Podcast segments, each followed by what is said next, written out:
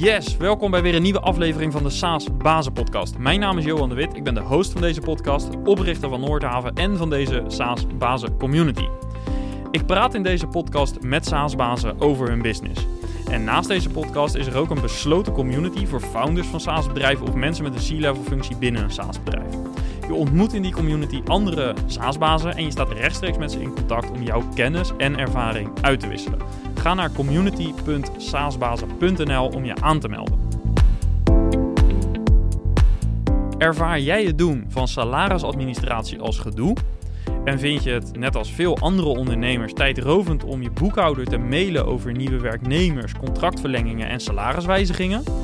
Ontdek dan hoe je je salarisverwerking op een andere manier kan doen, namelijk met een moderne SaaS-oplossing van Employees, waarmee je zelf de touwtjes in handen hebt.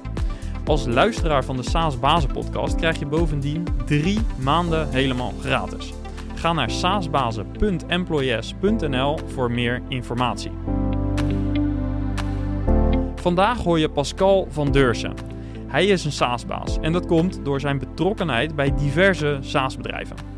Zo was hij betrokken bij Twinfield, Basecone, Secure Login, waar hij nog steeds aandeelhouder is. En op dit moment werkt hij vanuit zijn zelfstandige rol aan onder andere de groei van WeFact en Vectera. Pascal noemt zichzelf een generalist en heeft vrijwel alle processen, issues en uitdagingen binnen een SaaS-business al eens moeten tackelen, in verschillende rollen dus. En daar gaan we het dan vandaag ook over hebben. Er komt van alles voorbij. SaaS metrics, veelgemaakte fouten, meetingstructuur, visie op productontwikkeling, het samenstellen van een team, team alignment en ga zo maar door. Kortom, genoeg om op te noemen. Ik wens je heel veel luisterplezier.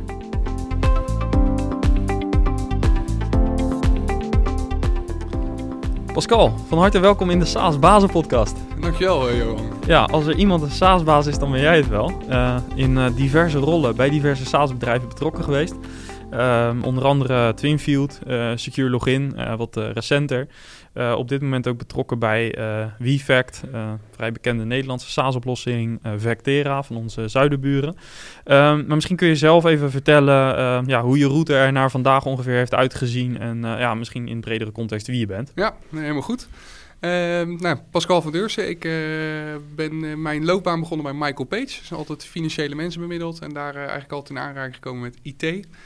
Um, en toen bewust op zoek gegaan naar een oplossing in de finance en IT. Toen bij Twinfield beland als partnermanager. daar vooral veel integraties met alle valkuilen geprobeerd te maken. Accountants te helpen. toen nog Basecone geholpen in de beginperiode. En van daaruit het ondernemerschap opgezocht in de vorm van Secure Login. Uh, single sign-on provider geworden voor accountantskantoren. Uh, van helemaal scratch uh, nou, kunnen opbouwen.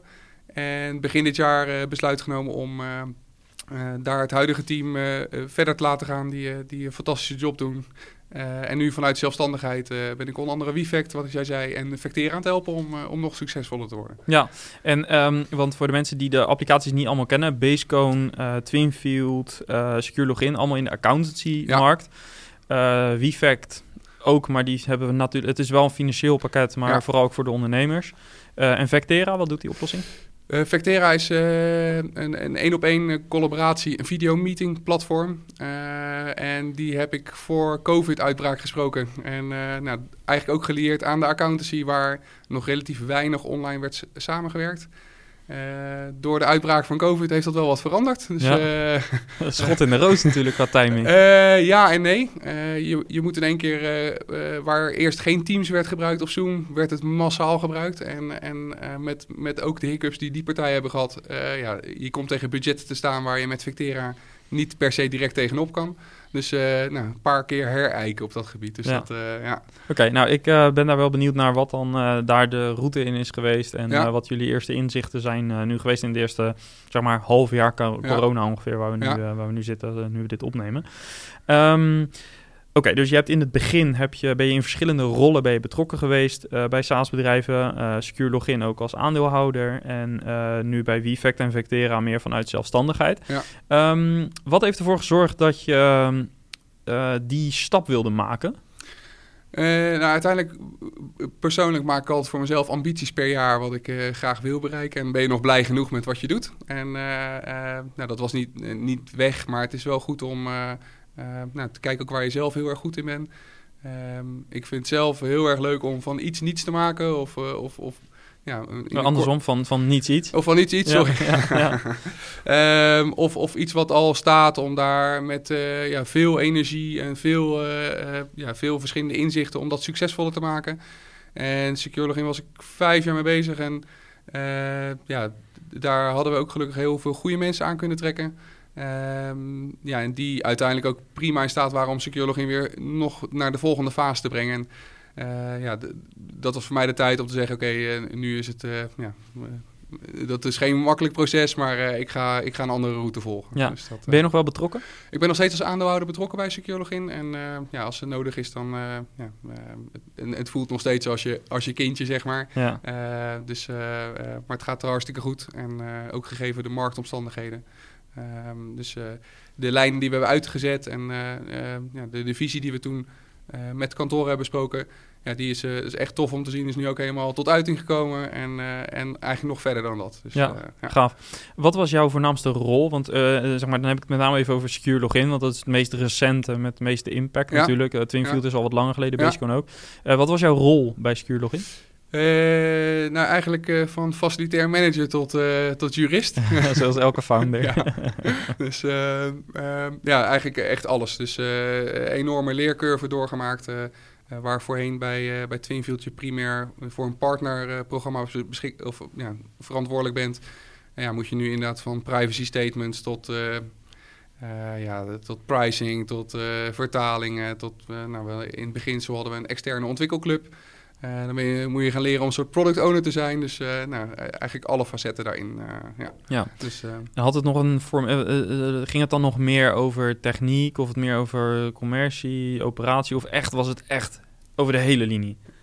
ja, echt over de hele linie. Ja. dus nou, stap 1 was toen om een technische persoon erbij te vinden. Die echt als CTO. Dus we hadden eerst de uitbesteden ontwikkeling. Dat in huis te trekken. Van het development team iets verder opge opgeleid. Uh, een beetje front-end UX'er uh, erbij gehaald om de visie wat meer te tekenen.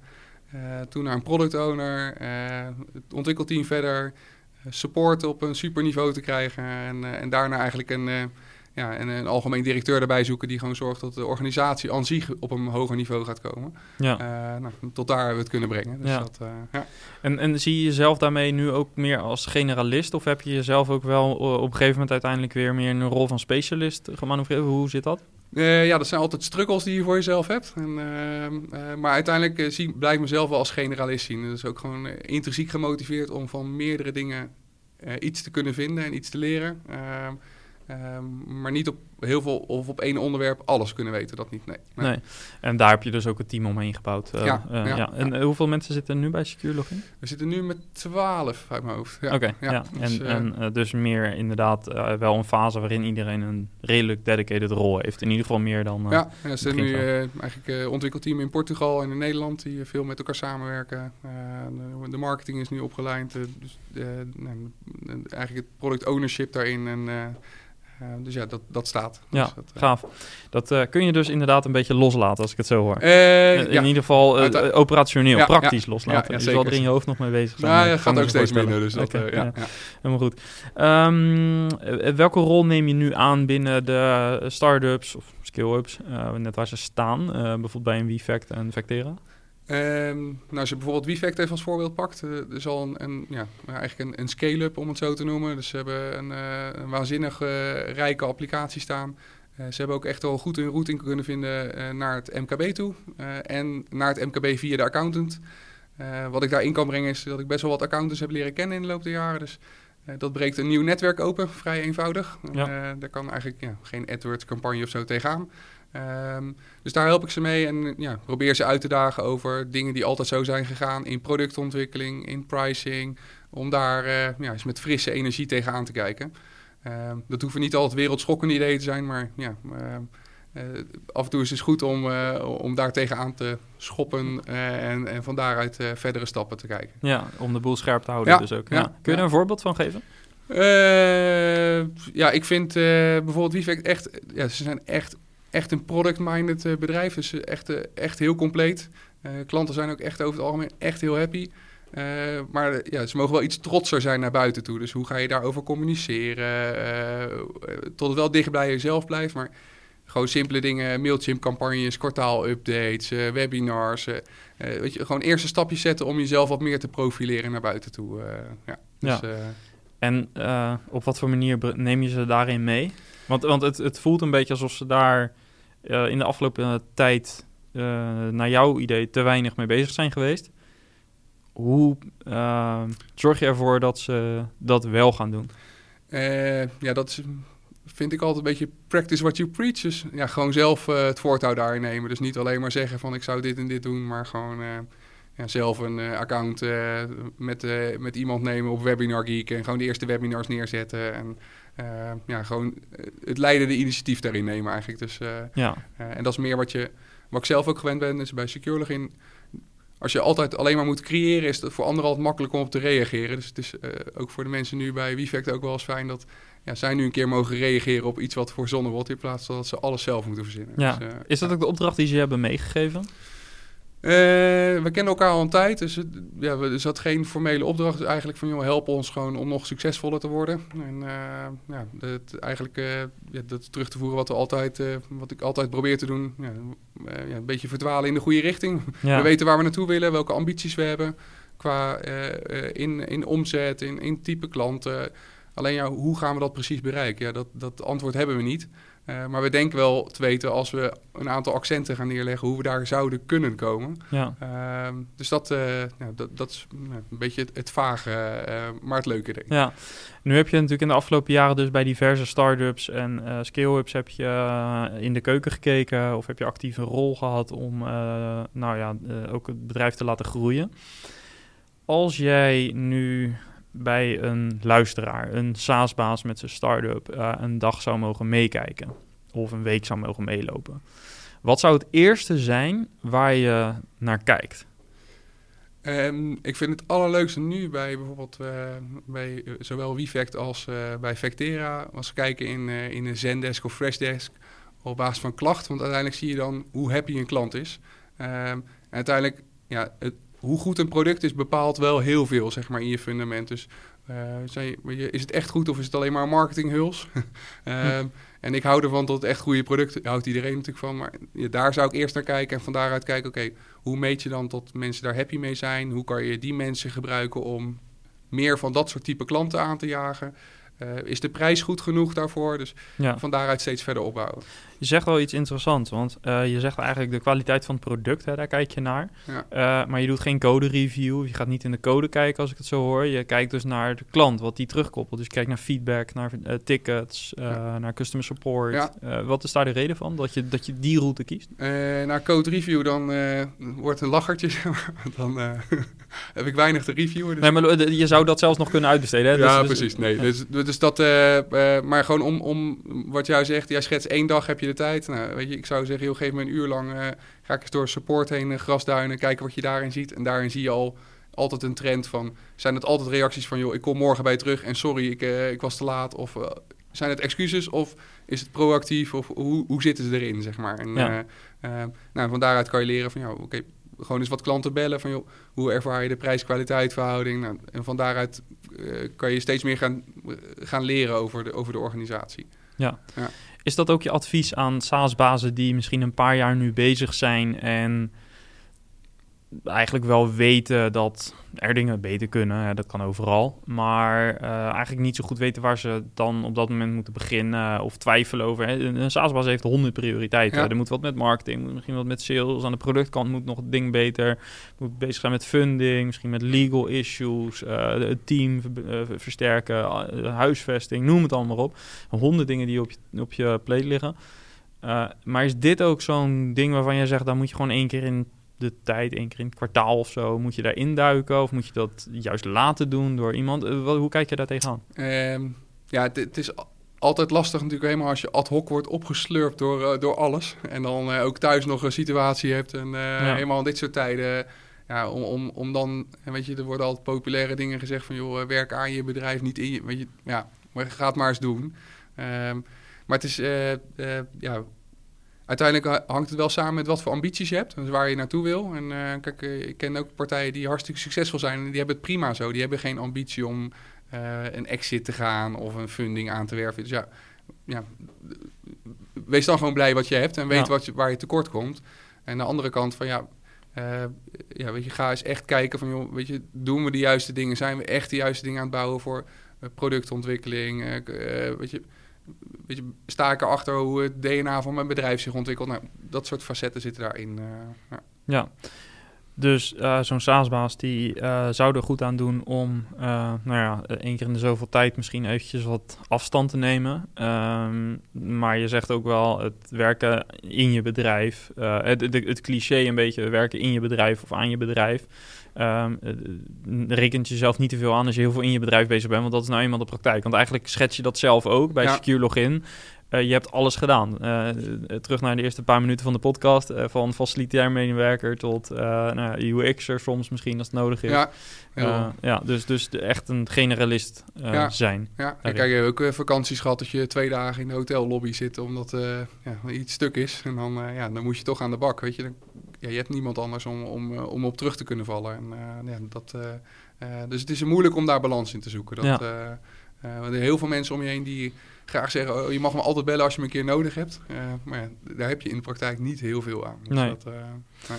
Alright, uh, we hebben het een paar keer gehad over metrics. Ja. we hebben elkaar een paar keer met elkaar gesproken. Wat, of wanneer ga je starten met echt SaaS metrics? Wanneer ga je daarmee beginnen met het meten ervan, het definiëren? ja, daar eigenlijk vanaf het begin, maar eigenlijk weet je het pas als je bij wijze van spreken een aantal van dezelfde type klanten hebt. Dus als je een paar keer je ideale klant hebt kunnen scoren, dan kan je eigenlijk terug gaan vertalen. Oké, als ik nou meer van dat type klanten heb, één, wat, wat is mijn opbrengst daarvan? En aan de andere kant, wat mag het kosten om zo'n klant te bereiken of binnen te halen?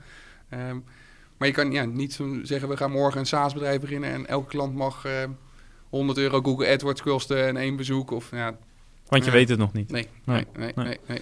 Dus uh, kijk, als, je, als ik nu iets in accountancy begin, kan je wel iets beter gaan valideren.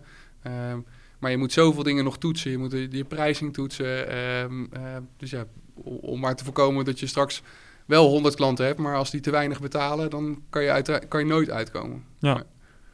Ehm, dus dat moment, uh, dat is niet een hard moment in, als in na zoveel maanden. Dat is een beetje afhankelijk van verschillende factoren dus. Uh, wat zijn de eerste metrics waar je naar kijkt? Uh, dat is uiteindelijk wel je conversieratio. Dus als je nou, in, in, bij wijze van spreken in een MVP-fase of, of, of wel iets verder kijkt, van nou, je krijgt 10 sign-ups. Ja, als je er twee scoort, ja, wat gaat er mis? Uh, want daar moet iets beter gaan. Want of, of het moet een hoog volumemarkt worden, dan kan het wel. Maar uh, ja, als je ambitie is om straks 200 klanten te hebben, moet je een serieus aantal leads gaan vergaren om, om dat te kunnen bereiken. Dus ja, daar begint dat eigenlijk mee. Dus dat is de, ja, Iedereen is enthousiast als een MVP zien schermen, vinden ze ook fantastisch. Maar gaan ze uiteindelijk ook echt een, een iets tekenen of iets accorderen? Betalen. betalen. Ja. worden ze een betalende klant? En hoeveel van dat soort mensen die je dan spreekt, worden een betalende klant? En, en ja, de stap daarna wordt het weer iets harder als het relaties worden die niet in je persoonlijke netwerk zitten. Dus die eigenlijk niet, geen klant worden omdat jij als persoon daaraan betrokken bent, maar meer omdat het product voor zichzelf spreekt. Ja, en dan pas kun je eigenlijk je custom acquisition kosten gaan berekenen. Hè? Want wat ik vaak zie is dat uh, eh, uh, sommige startups die berekenen het helemaal niet. Uh, ook niet als ze al 100 klanten hebben. En sommige startups beginnen eigenlijk al uh, bij de eerste twee, drie klanten... beginnen ze al uh, naar hun acquisitiekosten te kijken. En dan zeg ik ook vaak van ja, ik denk nog niet dat dit het moment is. Zorg eerst dat je wat meer data verzamelt, meer klanten binnenhaalt... en uiteindelijk ga kijken hoe je dan inderdaad een schaalbaar model opzet voor acquisitie. En dan op een gegeven moment een keer met je acquisitiekosten aan de slag. Anders kun je het vaak niet, is het vaak niet relevant. Nee, nee ja. Dus uh, dat, uh, dat herken je. Ja. ja. Nee, maar dat ja, helemaal eens. Dus dat, ja. en, en hoe kies je de, de metrics? Want je hebt ook aangegeven, bij elk bedrijf zijn die metrics weer wat anders. Het ligt natuurlijk ook aan welke markt je actief bent, wat voor soort product je hebt. Maar heb je bepaalde, nou, voor de luisteraar, een soort van cheat sheet of een soort van blueprint waar je het eerst toch wel naar kijkt, los van de metrics die je al gegeven hebt? Nou, uiteindelijk vind ik de meest belangrijke is, wordt de applicatie echt gebruikt voor waar je het bedoeld hebt. Dus uh, anders, een concreet voorbeeld, Vectera. Kijk, je kan een, een, licentie nemen bij Vectera. Maar als jij nul uren per maand of één uur per maand uh, het gebruikt, ja, is te weinig, zeg maar. Dus hoe krijgen, wat is een acceptabel niveau? Dat moet je gaan leren als gemene deler. Ja. Uh, bij Secure Login hadden we het ja, hadden we bijvoorbeeld zelf een metric bedacht met... Oké, we zijn succesvol als 70% van een, een, een accountskantoor ons gemiddeld vier dagen in de week gebruikt. Ja, Eh, precies. Ja, Ja. Weet je, dan heb je... Dat is een soort usage ja, ja, Ja. ja. Ja, Weet je, dan kan je gewoon echt op, op usage gaan kijken van... Oké, wordt het gebruikt? Weet je, en dan kan je ook eigenlijk al je roadmap aanhangen van... Joh, als we niet iets nieuws gaan bouwen, kunnen we het ook op die manier gaan meten. Want ja, als het niet wordt gebruikt of niet intensief genoeg... Ja, dan heeft het ook uiteindelijk voor lange termijn onvoldoende waarde. Ja. Eh, dus eh, usage, maar misschien dan ook feature adoptie. Dus als je een platform hebt waar wat meer features in zitten, of dat je een modulair platform of iets dergelijks hebt, zou je dus ook naar feature adoption kunnen kijken. Ja, ja. Dus ja, dat is, en dat is hartstikke moeilijk eenmaal als je in, eh, in de snelheid zit en je, moet, je bent blij dat je die features eruit knalt, maar je moet ook nog gaan monitoren en bijsturen. Is een uitdagend proces, dus je kan ook niet op team metrics sturen. Dus Nee. we hadden op een gegeven moment gewoon een, een succesvolle, ja, een aantal groepjes gemaakt. Eh, en daar kan je dan campagnes over gaan draaien vanuit een Mailchimp of een Active Campaign. Om te zeggen, oké, eh, klanten die waar gemiddeld de helft van de users eh, wekelijks inlogt, die krijgen deze content. Nou, en dan kijken wat voor effect dat geeft. Ja. Ja. Ja. ja. Alright. Ehm, wat implementeer je bij ieder bedrijf? Kan een proces zijn, een visie, een tool. Ehm, wat is echt, als jij ergens aan de slag gaat, wat wil je altijd in zo'n organisatie zien? Dat is een goede vraag. Ik denk dat dat ook eh, door de jaren heen zeg maar, steeds wel iets verandert. Zeg maar. Eh, wat ik zelf altijd heel prettig ben, is omdat ik zelf visueel ben ingesteld. Dat ik graag een visuele weergave heb waar we als organisatie naartoe willen gaan. In termen van product kom je dan vaak op terecht. Eh, en van daaruit kan je allerlei dingen aan ophangen. Natuurlijk wat voor, wat voor organisatie je daaromheen moet bouwen. Hoe je, hoe je marketing eruit moet zien. Hoe je support daarover moet zijn. Want je kan wel allemaal features visueel maken of, of keuzes voor gaan maken. Maar dat heeft nog wel eens impact in je, nou, van je campagnes tot aan je support, tot eh, allerlei effecten. Maar hoe, hoe bedoel je precies? Bedoel je een, een dashboard of bedoel je meer een, een soort van tekening van het toekomstbeeld? Een soort Envision-achtige Oké, Figma. ja, precies. Ja, dus ja. eh, dat je echt gewoon gaat, eh, gaat visualiseren hoe je toekomst, hoe je product er over twee jaar uitziet. Veel verder is, is erg lastig.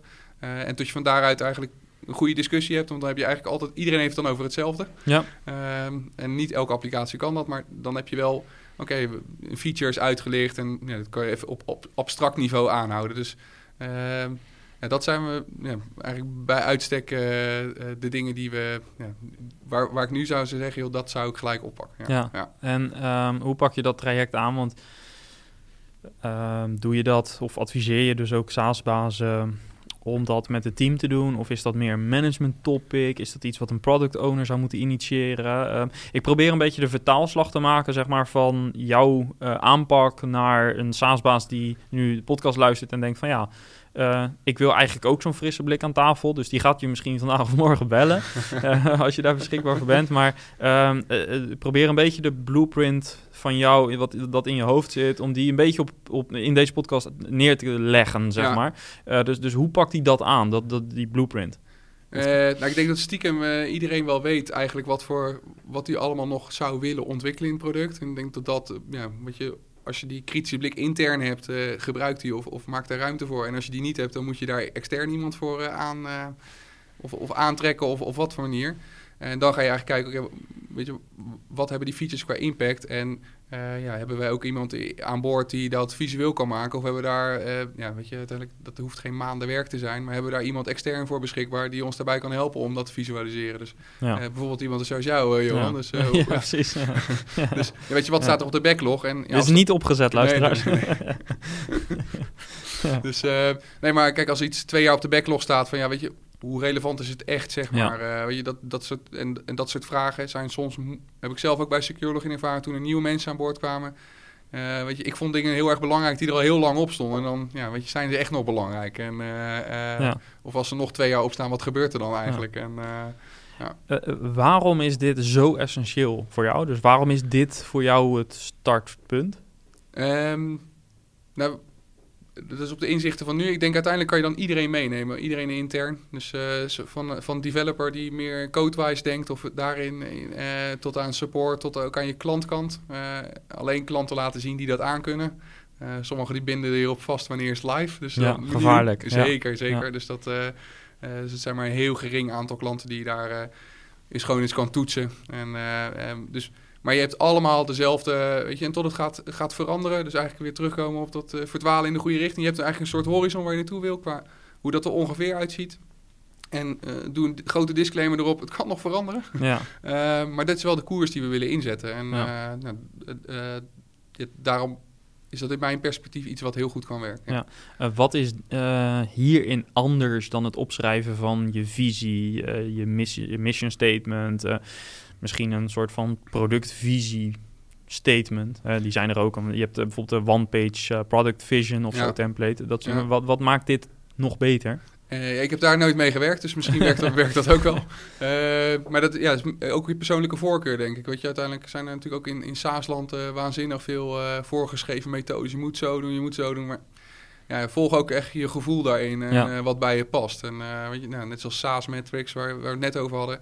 Ja, de een die kan daar, doet dat op gevoel eigenlijk al heel goed. en de ander ja, die vindt dat fijn om vanaf minuut één dat daar strak op te zitten. En, ja, uh, daar zal je eigen balans in moeten vinden. Dus, en dat, ja, het visuele is mijn voorkeur. En uh, ja, dan van naar een sterk product werken en van daaruit verder oppakken. Ja. ja. Um, dan hebben we het over die, uh, dat, dat document, het visueel gemaakt. Uh, je gaat dat in die organisatie dan ook nou, zorgen dat dat gedeeld wordt. het is ook iets cross-functional, dat geef je ook aan, want je kan er vanuit development naar kijken, je kunt er vanuit support naar kijken, noem, maar op. Um, ik kan me voorstellen dat daar een bepaalde soort van opvolging bij hoort, een soort van meetingstructuur. Uh, klopt dat? dat je ja, daar, ja. Uh, wat voor meetings zijn echt essentieel om met je team te houden, om dat alignment erin te houden? Uh, ja, dat is eigenlijk natuurlijk uiteindelijk alles wat te maken heeft met structuur. Dus het maakt eigenlijk niet uit wat voor type meeting het is, als je maar structuur daarin aanbrengt. Dat als je, en, en, ja, en dat hebben we ook moeten leren, en nu nog steeds hoor. Dat, het is heel eenvoudig om te zeggen: Oh, uh, deze week gaat niet door, we doen het volgende week. En uh, oh, wat een strategie-meeting staan. Nou, doen we. Ik heb eigenlijk niks te zeggen, volgende week. En eigenlijk, uiteindelijk is het. Bijna moet je jezelf verplichten om daar wel aan deel te nemen. Dus eigenlijk wat voor cyclus zet je daarvoor op? En dan maakt het eigenlijk niet eens uit hoe, hoe je dat doet. Maar ja, noem het agile of scrum of, of uh, ook daarin kies iets wat bij je past. Ja, want de ene zal zeggen ik wil de scaling-up methode, de ander zal zeggen ik verzin zelf een variant op uh, Lean Startup of wat Ja, bijvoorbeeld. Ja. ja. weet je, en uh, ja, dat, dat, vond ik fijn, weet je. Dat, de, maar ja, dat, uiteindelijk is het gewoon, oké, hoe kan je structureel tijd voor jezelf creëren wel? En dan komen we wel weer terug wat we net zeiden. Maar om wel aan dat soort dingen te gaan werken. En ja, dat je het dan alleen maar daarover hebt en niet over andere dingen. En dat is wel de, de, de uitdaging daarin. Ja. Wat beschouw jij als de belangrijkste verantwoordelijkheid voor een SaaS-baas? Uh, ja, uiteindelijk een verantwoordelijkheid voor jezelf. dat, dat je uh, ja, zelf gewoon, uh, weet je, als je zelf niet happy bent of goed in je vel zit, dan heeft het allemaal geen zin. Want dan krijg je toch nooit. En dan kan je de mooiste plannen hebben, krijg je niet uit de grond. Uh, thuis niet blij. mensen ook die bij je werken gaan niet echt bij je werken omdat, omdat jij er bent. Um, dus ja, eigenlijk is dat je grootste verantwoordelijkheid. Ja, mooi. Ja, ik had, ik had een, een, ja, ik verwacht niet per se een antwoord, maar ik ben dan toch, al, toch altijd benieuwd. En je verwacht toch een, uh, een, een bepaald vakinhoudelijk uh, verantwoordelijkheid. Maar is inderdaad een mooi, mooi inzicht. Nee, maar serieus wel, uh, wel terecht, denk ik ook. Ja. Uh, dus ja, interessant. ik weet niet, jij, jij hebt zelf natuurlijk ook voor Noord... Ja, nou, nee, ja, zeker. Ik denk ook, alleen dat is voor mij, dat is bijna misschien voor mij een soort van onbewust proces. Dat je gewoon inderdaad moet zorgen, ik vind fysiek fit zijn erg belangrijk. als ik fysiek niet fit ben, dan gaat alles daaronder lijden, dat weet ik gewoon. Uh, dus dat is voor mij altijd wel een heel belangrijk vertrekpunt. Tegelijkertijd, um, met dit soort vragen, ik stel dit soort vragen natuurlijk ook aan mezelf. Ja. En kom ik al heel snel toch, ja, wat is nou mijn belangrijkste verantwoordelijkheid? Ja, zorg dat mijn mensen kunnen doen, of de mensen die aan het product werken of waar dan ook aan, dat zij het beste werk kunnen doen. Maar wat is daar dan weer voor nodig? En zo probeer je dat altijd natuurlijk af te pellen. En, en ik denk ook dat in die zin, um, nu ga ik misschien mijn eigen vraag beantwoorden, dat is misschien een beetje vreemd. Maar laten we het toch maar doen. Uh, ik denk dat ook de context uh, van de, de, hele situatie waarin je bedrijf zich bevindt nogal bepalend is. Hè? Dus uh, in, in de ene fase is het misschien vooral belangrijk om funding op te halen. Andere momenten is het misschien wel belangrijker om die alignment in de organisatie te krijgen waar je het net over had. Andere momenten is misschien sales juist. Dus misschien dat dat ook wel wisselende prioriteiten zijn. Maar in, in die zin spreekt mijn antwoord jou, uh, jouw antwoord mij dus heel erg aan, omdat dat is iets wat altijd blijft. Ja. Die, die, dat is wel echt de basis. Dus vandaar dat ik uh, positief... Ja, ja, maar dat is inderdaad, ja, ik heb hetzelfde, dat je gewoon inderdaad goed in energie zitten en dan komt de rest daarna vanzelf wel. Dat, ja. Dat, ja. ja, mooi. Mooi inzicht. Um, je hebt een paar keer genoemd uh, verdwalen in de goede richting, uh, fouten durven maken. Um, kun je daar wat meer over vertellen? Dat is een vrij uh, breed begrip natuurlijk, maar um, kijk, je kunt uh, een beetje twee richtingen kiezen. Dus je kan zeggen, nou, uh, we gaan gewoon echt voor het perfecte product, uh, perfecte custom support, custom succes, noem het allemaal op. Um, of we zetten een organisatie op waar leren dus heel centraal is. Um, waar zit jij in het spectrum en waarom? nou, dat ook, ook wisselend, maar ja, dan ga je ook kijken waar je het zelf het meest blij van wordt en wat het beste bij je past. Um, en ik, ik vind het leukste, net zoals nu, nou, nu dan met de, de Vectera en de dat je nog niet alle antwoorden hebt. En, uh, ja, dat, dat, en er is ook geen boek. En je kan wel alle SaaS metrics of alle blogs of alle whitepapers downloaden uit de wereld. En dan ga je echt veel van leren. Maar je moet ook gewoon dingen doen. En ja, dat spreekt mij altijd heel erg aan. Dus, en dan ga je wel vanuit een sterk product ga je gewoon aan de slag. En dan ga je gewoon ja, ga je mensen bellen, mensen vragen. Ehm, maar je hebt de antwoorden niet. Dus, dus ja, dat is, ja, klinkt me een beetje vaag, maar dat is uiteindelijk de balans die je zoekt. Dus wel vanuit een, een sterk product. Dus dat moet altijd, de, weet je, als, als iemand in een trial komt, als je zo iemand hebt gesproken die komt in een trial, moet gewoon werken. Punt. Ja. Uh, dus dan moet het niet nog een half kaartenhuis zijn. Dus dat, dat gaat niet. Uh, maar uiteindelijk, ja, tot daar eh, tot het nog wat verder gevormd moet worden en tot je mensen daarin mee kan nemen. Ja, dat is wel, uh, uh, ja, en op allerlei facetten ja, wat, wat ik graag, graag doe. Ja, en dus een vragende houding. Ja. ja. ja. nou kennen wij heel veel SaaS-bazen. Um, veel SaaS-bazen, ook in mijn ervaring, zullen ongetwijfeld soms een vragende houding hebben. Maar aan de andere kant wordt er ook van ze verwacht dat ze sturing geven en dat ze ook beslissingen nemen. Dat ze um, de snelheid erin houden. Um, hoe kijk jij daar tegenaan? Uh, nou ja, je hebt, ik denk iedereen heeft altijd wel zijn eigen punten waar je ook weer uh, door kan ontwikkelen. En uh, nou, dit zijn misschien wel ook voor mezelf dingen, gewoon, gewoon zelfkritisch, waar, waar je zelf weer verder in kan ontwikkelen. Ehm, ik vind het wel leu leuk om door vragen ergens te komen tot iemand zelf ook aan de, aan de klantzijde denkt van, oh, je hebt, ik dacht dat ik het niet nodig had, maar ik heb het toch nodig om daar uiteindelijk te komen. Ja. En uiteindelijk, uh, wat, je, wat je terecht zegt, van ja, hoe ga je tempo houden? Hoe ga je daar, daar cyclus... Uh, nou, dat was bijvoorbeeld voor mij bij Securelogin nou, uh, uiteindelijk ook een situatie dat we zeiden... oké, we moeten daar mensen voor aan gaan trekken die dat, dat proces beter gaan beheersen. Want ja, dat kost te veel energie, omdat ik, ik vond een rol als product owner om dat te spelen best wel leuk, maar niet leuk genoeg. Dus, uh, uh, en ik denk dat de developers daar ook niet blij genoeg van werden. Dus uh, toen daar iemand voor kwam, ging dat stukken beter en, en et cetera, et cetera. Ja, dus steeds de grootste frictie weghalen eigenlijk. Ja, ja, ja. ja. Um, in al die jaren, wat is, wat of wie is je beste leraar geweest? Ehm, ja, wie of wat. Ja, ik heb een hoop mensen omheen gehad waar een hoop hebben gehad. Dus uh, de, ja, zowel de, de ja, het zijn toch wel vaak mensen die ook in de ondernemen, die eigenlijk ook de nek hebben uitgestoken bij, uh, bij Twinfield en bij Basecone.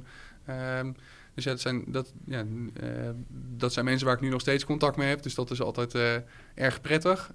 Um, en dan heb je natuurlijk altijd wel voorbeelden waarvan je denkt van ja, dat zijn echt de, de ultieme SaaS-dromen. Weet je, dat is echt fantastisch als je clubs als Atlassian ziet, weet je, dat denk ja, het echt, weet je, af en toe zit je in Jira te kijken en denk je, hoe kan dit uh, bedrijf succesvol zijn, maar uh, omdat het zo traag is. Maar ja, het is waanzinnig neergezet, uh, hoe, hoe, een sales, hoe onboarding, ja, dat soort dingen, daar, dat, dat, dat, daar heb ik wel echt bewondering voor. En, um, dus ja, ik hoop invloeden, maar ja, niet één specifiek iets of zo. Nee. nee. nee.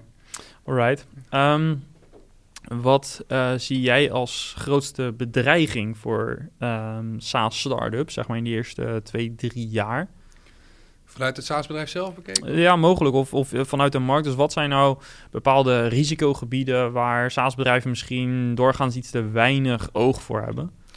Zijn, denk, zijn ze er? Het kan ik denk eigenlijk maar, meer tweeledig. Enerzijds is denk ik... Uh, uh, tot het basisniveau uh, aan security, tot dat ja, al steeds hoger wordt en dat wordt steeds crucialer, denk ik. Dus, eh, en er worden natuurlijk steeds meer uh, standaardisatie daarin aangebracht, komt op steeds hoger niveau. Maar uiteindelijk zal dat ja, nog steeds pittiger worden. Ook de klant wordt veel eisender in, in termen van certificering die daarom wordt gevraagd. En hoe ga je daarmee om? Ehm, en anderzijds zie ik ook veel SaaS-partijen, zowel in start-up als scale-up. Die hebben echt wel fantastische techniek staan, maar het komt gewoon niet tot leven, weet je. En, en dat is uh, vanuit het SaaS-bedrijf is dat... Ik kan me voorstellen dat het heel veel frustratie zou geven. Dat je denkt, we hebben echt een waanzinnig product staan, maar het komt niet tot leven. En, en dus over twee verschillende assen. maar dat ja, zie ik vaak als uitdaging. Ja. Ja. ja, ik had recent Jan Aleman in de podcast en die gaf ook aan... veel SaaS-bedrijven die starten veel te laat eigenlijk met marketing of sales. Ze zijn heel erg gefocust op product, maar op het moment dat ze echt de markt op moeten... dan hebben ze eigenlijk de antwoorden nog niet. Of dan hebben, zijn ze daar nog niet op ingesteld. Ze denken daar te laat aan of misschien helemaal niet. Um, en eigenlijk geef je min of meer hetzelfde aan. Hè? Dus dat kan een fantastisch product hebben, maar als je niet het verhaal daaromheen vertelt, als je niet in staat bent om die oplossing ook neer te leggen bij potentiële gebruikers, dan uh, kan het ook zo zijn dat je nou ja, daardoor echt tijdverlies oploopt met alle gevolgen weer van dien. Ja, natuurlijk. Ja, ja. Um, dan uh, hebben we het gehad eigenlijk over jouw uh, route, zeg maar, in de afgelopen jaren door verschillende start-ups. Um, scale-ups ook inmiddels. Um, als we kijken nog even naar die SaaS-baas zelf. Um, ik had een gesprek met Rick Goud onlangs uh, van Ziver. Hij uh, sneed het onderwerp aan... wat moet een SaaS-baas aan competenties echt hebben? Um, wat is jouw top, laten we zeggen, top drie? ja, energie. Het, kost, het, het, geeft en het kost heel veel energie. ja. Omdat je gewoon generalistisch moet zijn... Eh, twee, eh, eh, ja, het altijd overlappen in intrinsieke motivatie. En drie, gewoon een netwerk slash marktkennis. vind ik, omdat je, ja, waar ga je je product laten landen? En, en ja, dan zou nummer vier zijn als je nog kan coden zelf, is fantastisch. En anders moet je dat aanhaken. Ja. ja, dus, ja. Uh, interessant dat je toch begint met energie, inderdaad. Ja, ja, ja. Uh, rode draad ook in uh, voorgesprek wat we hebben gehad. Nou, je spreekt natuurlijk veel mensen die zeggen van...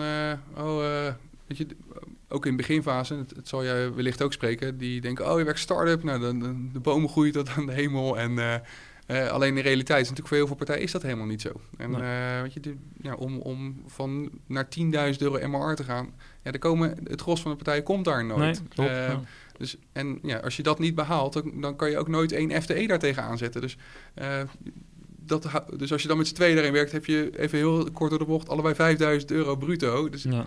uh, daar kan je ook niet uh, je leven lang nee. van doorgaan met alle kosten die je maakt. Dus, nou, dus het vraagt maar doorzetting en doorzetting. Ja. ja. Ja. mooi.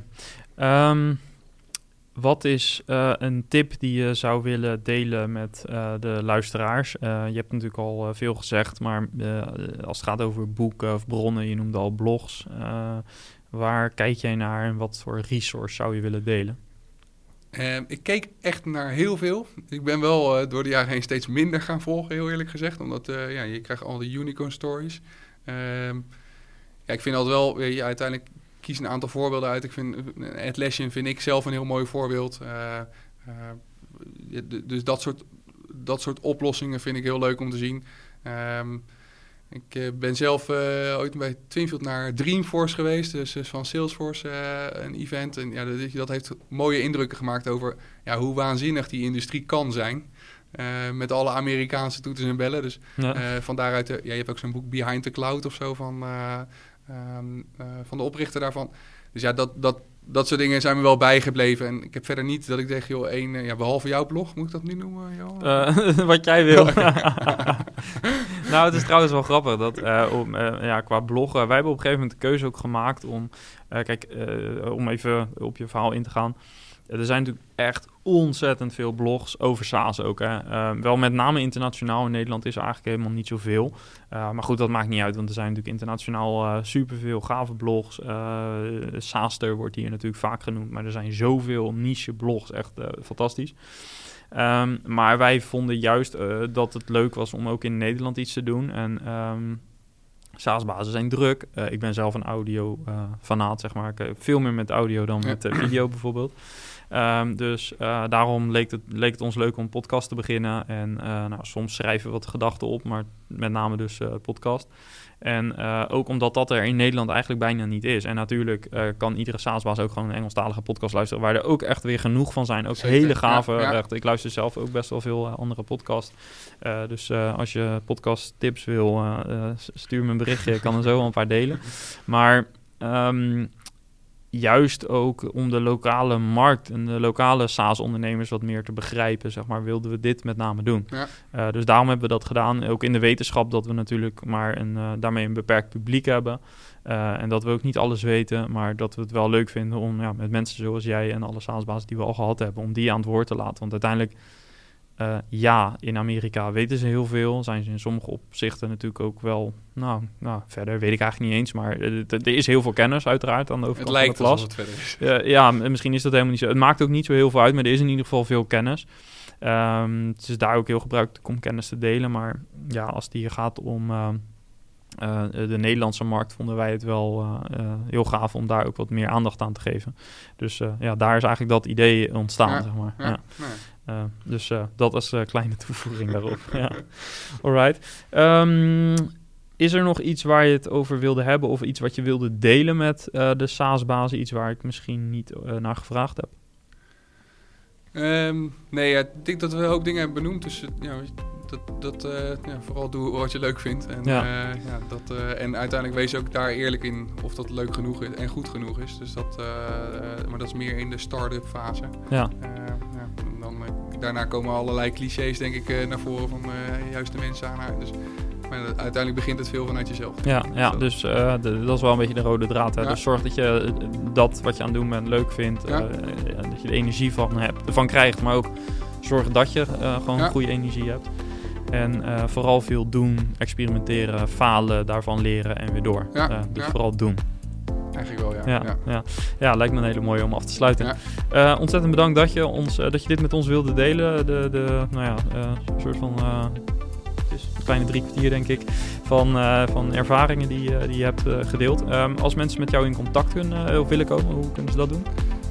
ik heb LinkedIn, daar sta ik op. Dus dat, stuur gewoon een invite. Het makkelijkste. Ja. ja. helemaal goed. Mooi. Pascal van Deursen, ontzettend bedankt en we houden contact. Yes, dankjewel Johan. Goed. Thanks.